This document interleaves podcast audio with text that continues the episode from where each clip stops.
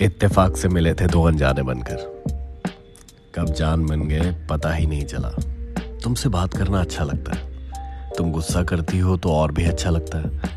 हर बात पर मुझे डफर बोलना तुम्हारी आदत है। तुम रुक जाओ तो मनाना मेरी आदत है। मुझे चिढ़ाना तुम्हारी आदत है। कभी कभी तुम पर गुस्सा भी आता है, पर ज़्यादा देर तक गुस्सा हो नहीं पाता हूँ। अपनी हर बात तुम ही को बताता हूँ।